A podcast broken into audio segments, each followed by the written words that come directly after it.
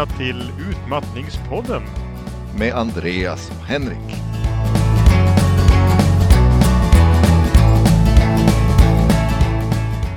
Ja, välkommen tillbaka Arne. Ja, tack så mycket. Tack. Välkommen själv Henrik. Tack, det är jag som är gäst i ditt hem så det kanske är mera passande. Ja. Eh, det, Vad ska vi det- prata om idag då? Idag har vi tänkt prata om plikten, duktigheten och glädjen. Mm. Det här är intensivt förbundet med utmattning förstår ju jag eftersom vi har valt det här ämnet. Vi slutade ju sist i att prata om vem som drabbas och då kommer vi nästan in på de här djupa personlighetsanknutna egenskaperna som pliktkänsla och duktighet och sånt där va? Just det. Eh, och att man i... Jag tror att vi pratade om det förra gången också, att man på något sätt kan... De dagar det går bättre Mm. kan man på något sätt övermannas av arbetsglädje. Eh, och det är, det är väldigt lätt att göra mer än man klarar av. Mm. Eh, och nu pratar jag om en människa som redan är sjuk och som har fått en diagnos Mm. av, av utmattningssyndrom. Men eh, min egen erfarenhet är den att eh, eh, det är väldigt lätt för folk att gratulera och heja på när man jobbar eller man gör saker. Även i situationer då man kanske skulle behövt hjälp att bromsa. Mm. Du menar att det uppmuntras att man tar i mer än man egentligen klarar? Ja, Det är ju grundläget, Mm. eh, känner jag. Och när man är frisk och kry och orkar, eh, då kan man ju ta till sig att nu hejar de på, vad roligt. Mm. Och beröm får man också. Mm. Eh, och det där är ju jättesvårt att bryta. Mm. Så att nu när jag inte, absolut inte får göra så, Mm. Så och jag har lärt mig det, nu har jag varit sjuk i flera år, så jag börjar ta till mig det. nu, Och då klarar du liksom inte att Nej. göra det här längre. Precis. Om du bryter mot det här att göra vad du orkar så går det riktigt illa. Mm. Ja, visst. Huvudvärk, yrsel, Mm. eh, illamående, ljudkänslighet Mm. är det som är värst just nu. Jag har ju en hel, en hel ryggsäck med gamla symptom också. De kan vi prata om någon annan gång. Och nu kommer då psykologfrågan. Hur känns det när du inte kan göra så mycket som du tycker att du borde göra? Det är ju en känsla av sorg, skulle jag säga. Sorry. Sorg över förlust av kapacitet. Mm. Om man tänker på det här med duktighet och sånt där. Känner du liksom någon slags antiduktighet då? Eftersom du inte kan vara duktig? I, eh, i, ja, vad ska jag säga? Alltså det här med... Jag fiskar lite grann här. Ja, precis. Eh, Det vi har, det vi, jag tänker så här. Vi pratar om duktighet och eh, eh, plikt. Mm. Och det hänger väldigt... Det är ju den här känslan av att vilja göra rätt för sig. Mm. Och som jag har sagt många gånger förr och kommer att säga många gånger igen i den här eh, programserien, tror jag. Ett jobb sköter man. Mm. Så är det bara. Nu har du definierat vad plikt är va? Precis, och det var ju verkligen så. Det var ju, det var ju så jag tänkte på det här. Mm. Och nu håller ju inte det Nej. längre och det kanske det inte gjorde då heller. Nej, det höll ju inte för du kraschade. Ja, Trots att ett väl utfört arbete är den grund varpå samhället vilar samt skänker en inre tillfredsställelse. ja eller en inre känsla av tillfredsställelse Ja, Jag kanske. citerar Karl-Bertil Jonssons julafton, Tage Danielsson. Precis. Eh, Men eftersom du pratar om plikt och beskriver det där att det påverkar att du tar i mer än du borde nu och att du en gång tog i mer än du borde då och Mm. hamnade där du är nu. Utmattad, stammar lite grann fast vi pratar i radio och så. Ja, så kan vi knyta an till det här vem som drabbas. Personer som känner en stark pliktkänsla men även de som känner en, en stark arbetsglädje är förmodligen folk som har lättare att drabbas av utmattningssyndrom. mm. Skulle du hålla med om det? absolut. Alltså det är ju, det är ju en... Det är ju, ehm, om vi säger plikten är ju, är ju liksom ett ansvar man tar på sig då att utföra.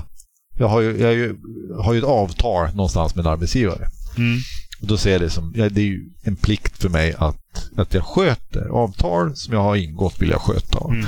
Och eh, därför är det en lojalitet mot arbetsgivaren Mm. där. Och sen vill man ju naturligtvis alla av oss, Mm. föreställer jag mig, vill göra ett bra jobb. Så är det.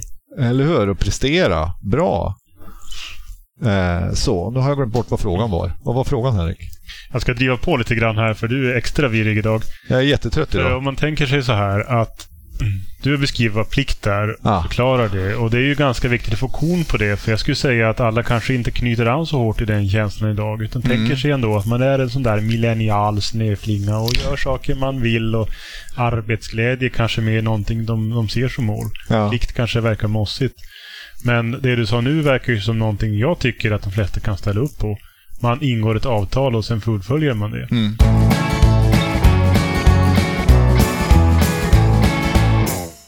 Men om vi då tar det här faktumet som faktiskt är att personer som jobbar på dagis som förskolefröknar eller förskolepedagoger ska jag säga för att inte förelämpa någon. De Alltså, ja, jag tror förskollärare är det viktigaste. Så det har du precis, täckt in där. förskoleprofessorer. De, Nu raljerar du lite grann över en, en, en redan utsatt yrkesgrupp här tycker jag.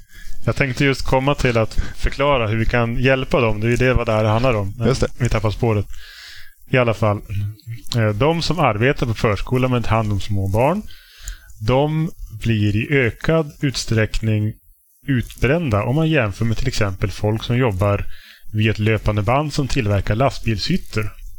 Väldigt specifikt exempel här. Ja, i Umeå så finns det då väldigt många som jobbar med både och. Just Det det. finns en lastbilshyttfabrik i Umeå där jag har jobbat på vårdcentral. Du kan köpa det här gissar jag att eh, det är så att förskole... Pedagogerna blir utmattade i högre utsträckning. Jag har förstått att de är en riskgrupp. Det har jag sett på flera ställen. Men jag menar båda har ju rimligtvis en stark pliktkänsla kring eh, jobbet. Varför är det då så? Som det är, det är en fakta jag har att komma med här. Mm. Att den ena gruppen blir mer utmattad än den andra. Om du skulle gissa. Varför? Mm. Eh, därför att... Eh, eh, eh. Nu börjar jag stamma lite grann här. Vad har man plikt mot mer än sin arbetsgivare? Det är ju en fråga om att i förskolan arbetar du med människor. Mm. Det är precis där jag fiskar. Det är det du far efter. Ja. Vad vill du ha sagt med det? Vi tar ju upp de här känslorna, duktighet, plikt, ansvarskänslorna. Just för att fundera på varför man drabbas av utmattning och hur de här känslorna liksom driver en dit. Mm. Om det är så som du berättade att man tar i mer än man borde så finns det ju ett skäl till det. För man vet någonstans, det märks på kroppen att den håller på att bryta ihop. Ja och nej, skulle jag säga där. Det, är väldigt, det var väldigt svårt för mig i alla fall att se det under, Mm. under tiden. Det verkar i alla fall en, en del starka sjukdomstecken. Visst. Men om man har pratat om det innan så hade de förmodligen varit lättare att se och då kanske det hade varit... Om jag hade haft en medvetenhet innan det hände. Om man hade haft den här inramningen att utmattning fanns på världskartan överhuvudtaget. Ja. I vart fall så när man börjar närma sig utmattning så kommer folk till vårdcentraler och sjukskriver sig ofta för någon typ av symptom som kommer på vägen. För du var ju dit för bland annat ögonen, Ja, hörseln och sådana saker kollade du upp. precis. Både syn och hörsel. Ja. Och det jag vill komma fram till här handlar ju just om att eh, man känner plikt mot arbetsgivaren men vad jag har haft för, för erfarenhet som kliniker är att den pliktkänslan sträcker sig inte över ens hälsa om man jobbar med ett industriarbete. Utan någonstans när man inte orkar mer så är man ganska bra på att säga stopp. För trots allt så jag tror inte att det oftast är utmattning som drabbar folk på sådana fabriker. Det kanske är kroppen det tar stopp. Det Ja. ont i ryggen och sådana saker. Då, där är vi ju hundra år längre komna än vad gäller utmattningssyndrom, alltså psykiska Mm. symptom. Så då säger man stopp och det finns fackföreningen och mekanismer för det här. Just det. Å andra sidan när det gäller det här psykiska som uppträder på kontorsarbeten och även vård, skola och omsorg när man jobbar med folk. Då känner man en plikt mot de barn man jobbar med. Mm. Eller de äldre och sådana saker. Precis. Och där är det både... Eh, det, kroppen tar ju stryk där också. Mm. Dessutom. Mm. Plus att du har en, en ökad stress därför att det är, om det är barn du jobbar Ja. med då till exempel. Det är ju ofta så att de, den personalen som jag har träffat som har jobbat i vård, skola och omsorg och blivit illa drabbade har mycket värk som en följd av det här. Ja. Utmattningssyndrom kan, brukar leda till någon typ av permanenta man säger, somatiska symptom. Alltså skilt från psyket. I själva verket sitter ju alla sjukdomar i, i kroppen och den hänger ihop. Men en del Mm. skiljer just på värk till exempel. Såklart. verk kan man då få mm, om man drabbas av utmattning som kanske egentligen inte hade med utmattningen att göra. Det bara dyker upp och blir kvar sen. Mm. Extra vanligt om man jobbar just i förskolan när man blir utbränd. Men är det så att eh, för det, vi, det, vi, det, du säger nu är ju att i förskolan eh, så de sliter också ut kroppen. Och det är ganska mycket fysiskt arbete att lyfta i barn och vara ute och leka och, och, och lära dem saker och så här. Och, eh, eh, men att du dessutom då har den här mentala stressen av att inte hinna hjälpa alla barn individuellt kanske, eller vilka problem man nu kan tänka sig att man stöter Mm. på. Eh, jämfört med lastbilshyttsmontören då som tänker på löpande bandet och på sin egen anställning. Ja, jag tror inte Eh, att, att eh, den som jobbar vid det löpande bandet känner sig lika lojal mot lastbilshytterna Nej, som läraren känner sig mot barnen. precis. Så den mentala stressen, Ja. är, den skillnaden är ganska uppenbar om man antar att, att det är på det sättet. Det är precis här den här springande punkten är. Alltså känner man att man håller på att övermannas av arbetsglädje eller känner man stark lojalitet mot det man måste ta hand om, plikt, känner man att man måste vara duktig eller sådana saker, så då drivs man mot utmattning. Över gränsen, över de här varningssignalerna som kanske är svåra att tolka, men som ändå finns där.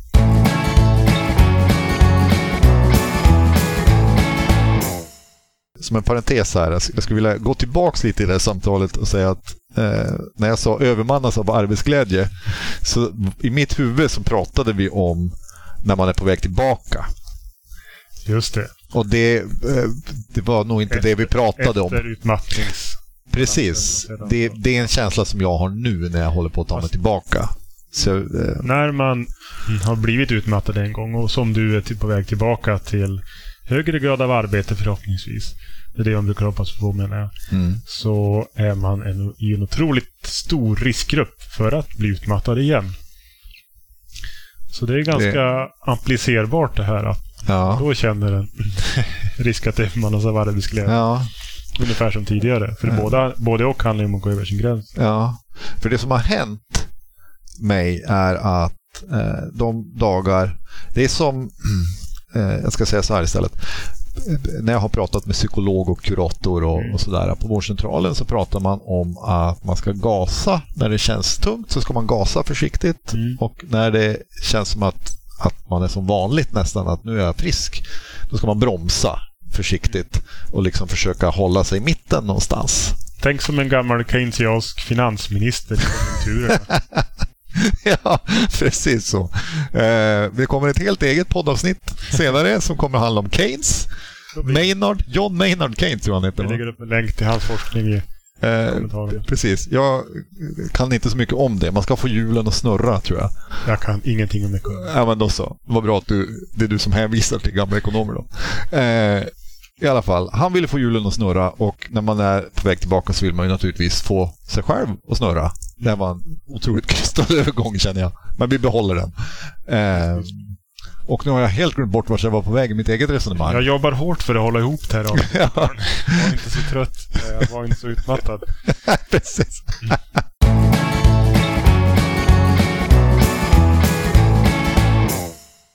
Vi är alltså inne på varför vi pratar om det här, enligt mig i alla fall. Mm. Det är för att utmattning i princip kräver att man är engagerad och vill göra sitt bästa. Man måste så att säga dra sig över gränsen för utmattning och det är inte så konstigt egentligen. Om vi skulle kalla det här bara duktighet så kommer vi in på ett sånt begrepp, till exempel duktig flicka, som i alla fall jag tycker är lite negativt laddat. Man ska inte vara en sån duktig flicka. Nej, Eller? och ändå ska man vara det. Märkligt nog. Precis. Jag har träffat folk som skuldmedvetet säger det och ändå är lite nöjda i kliniska Det kan jag tänka mig. Ja, det är ganska vanligt. Visst.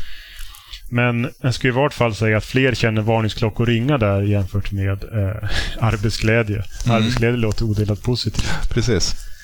Men när man är i en arbetssituation eh, som egentligen är för överbelastad och samtidigt känner plikt mot de man ska ta hand om. Liksom. Man, eh, det är två klassföreståndare i en klass med 32 barn som är väldigt, väldigt levnadsglada. Den ena klassföreståndaren försvinner, slutar, reser till Bahamas, blir utbränd. Du blir ensam kvar. Där har man en situation där man förmodligen känner plikt, ansvar över de här barnen. För om man bara gick hem när arbetstiden är slut fast en 13 av barnen sitter och gråter och behöver tröstas. Då kommer man naturligtvis inte kunna leva med sig själv. Nej. Om 13 lastbilshytter sitter och verkar gråta så kan man ju gå hem förmodligen. Mm. Där Precis. känner man inte samma lojalitet mot Nej. det här och samma drivenhet. Nej, såklart. Vi måste nästan Mm. ha den här pusselbiten för att förstå eh, det vi kommer fram till här snart. Eh, varför och hur man går över sina gränser. Det får vi prata ett helt nytt avsnitt om. Ja, precis. För att någonstans kommer det varningar och precis som du problematiserade tidigare när vi pratade nu så är det inte lätt att se att det är just det som är varningarna. Nej. Jag jobbar med att bedöma sånt här, det gör inte du. Precis. Nej, och det här med att diagnostisera sig själv Mm. är ju omöjligt skulle jag säga. Åtminstone i annat. Om man har tur kanske man kan lyckas. Mm. Eh, Men det är svårt att se även ganska allvarliga symptom när de sitter hos en själv. Och se för vad de är. Ja. Det är ju... Och saker som man skulle säga åt andra direkt att de ska gå hem Mm. kan man i sig själv och jag också då låta vara. Jag frågade dig tidigare om du kände någon slags anti-duktighetskänsla, då, antipliktkänsla eller något sånt där. För det är ju just det, tänker jag. Man ska gå emot väldigt, väldigt mycket om man ska ta varningarna på allvar. Trots allt är allt det här med plikt, precis som du beskrev så bra i början här, hårt inkodat i vår kulturella medvetenhet. Man gör rätt för sig helt enkelt. Ja, Kan vi citera någon Torgny Lindgren-bok eller någonting annat? jag antar det. Hemifrån Ja, ja. Västerbotten som källa på detta. Ehm, Vi måste börja knyta ihop tror jag. Ja, Jag har försökt sammanfatta lite grann. Ska inte fråga dig om du tycker att någonting saknas eftersom du var stammig redan i början. Här. det finns inget skäl att fråga mig om någonting saknas. Jag sitter och funderar på om den här episoden ens går att sända, men samtidigt så har vi ju sagt en del bra saker här. Mm. Och jag tänker mig att jag kanske får nöja mig med att stå som exempel Ja, idag är du lite av ett varnande exempel. för när, för när det inte fungerar som det är tänkt. Ha, så. Arne har precis gått ner i arbetsgrad här. Åh, ja, jag är, jag är sämre. Så är det. Mm, vi ses nästa vecka och pratar mer om flera spetsfundigheter. Så ska jag styra hårt igen om det behövs. Mm, precis. Och nu tänkte vi prata om något helt annat. Ja.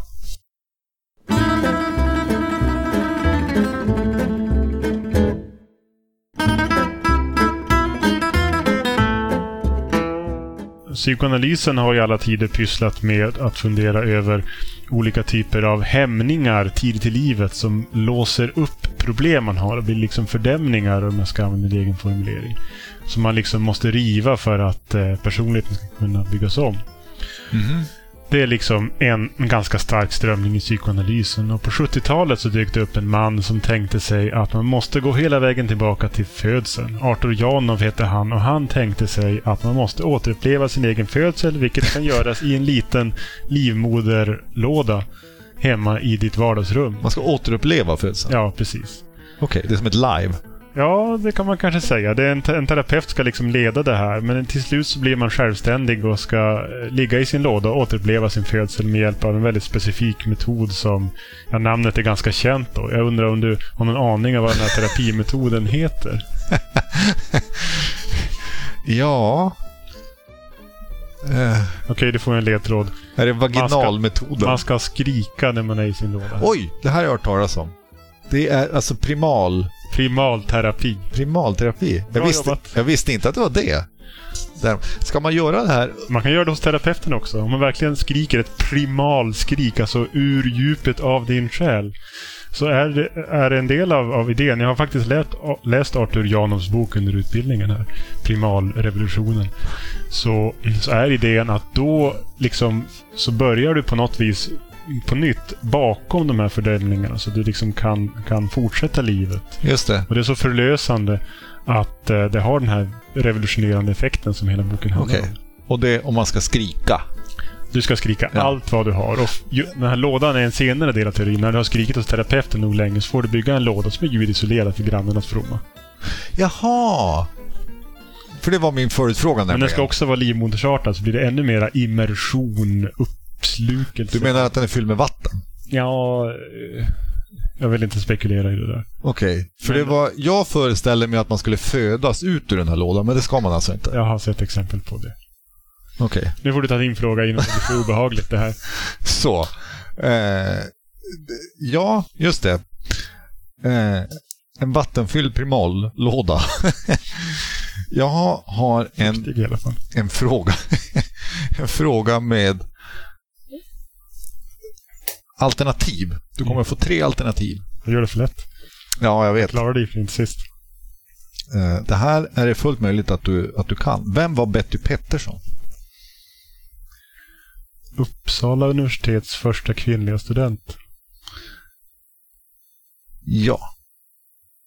Eh, För hon har namngett puben på Gotlands nation. I Uppsala, precis. Hon var den första som skrevs in vid, vid ett universitet i Sverige. Det här var Ah, Till och med 1872. Sveriges till och med. Precis. Hon var dessutom, och nu kommer vi till det trixiga här, att eh, du hade fått tre alternativ här. Mhm.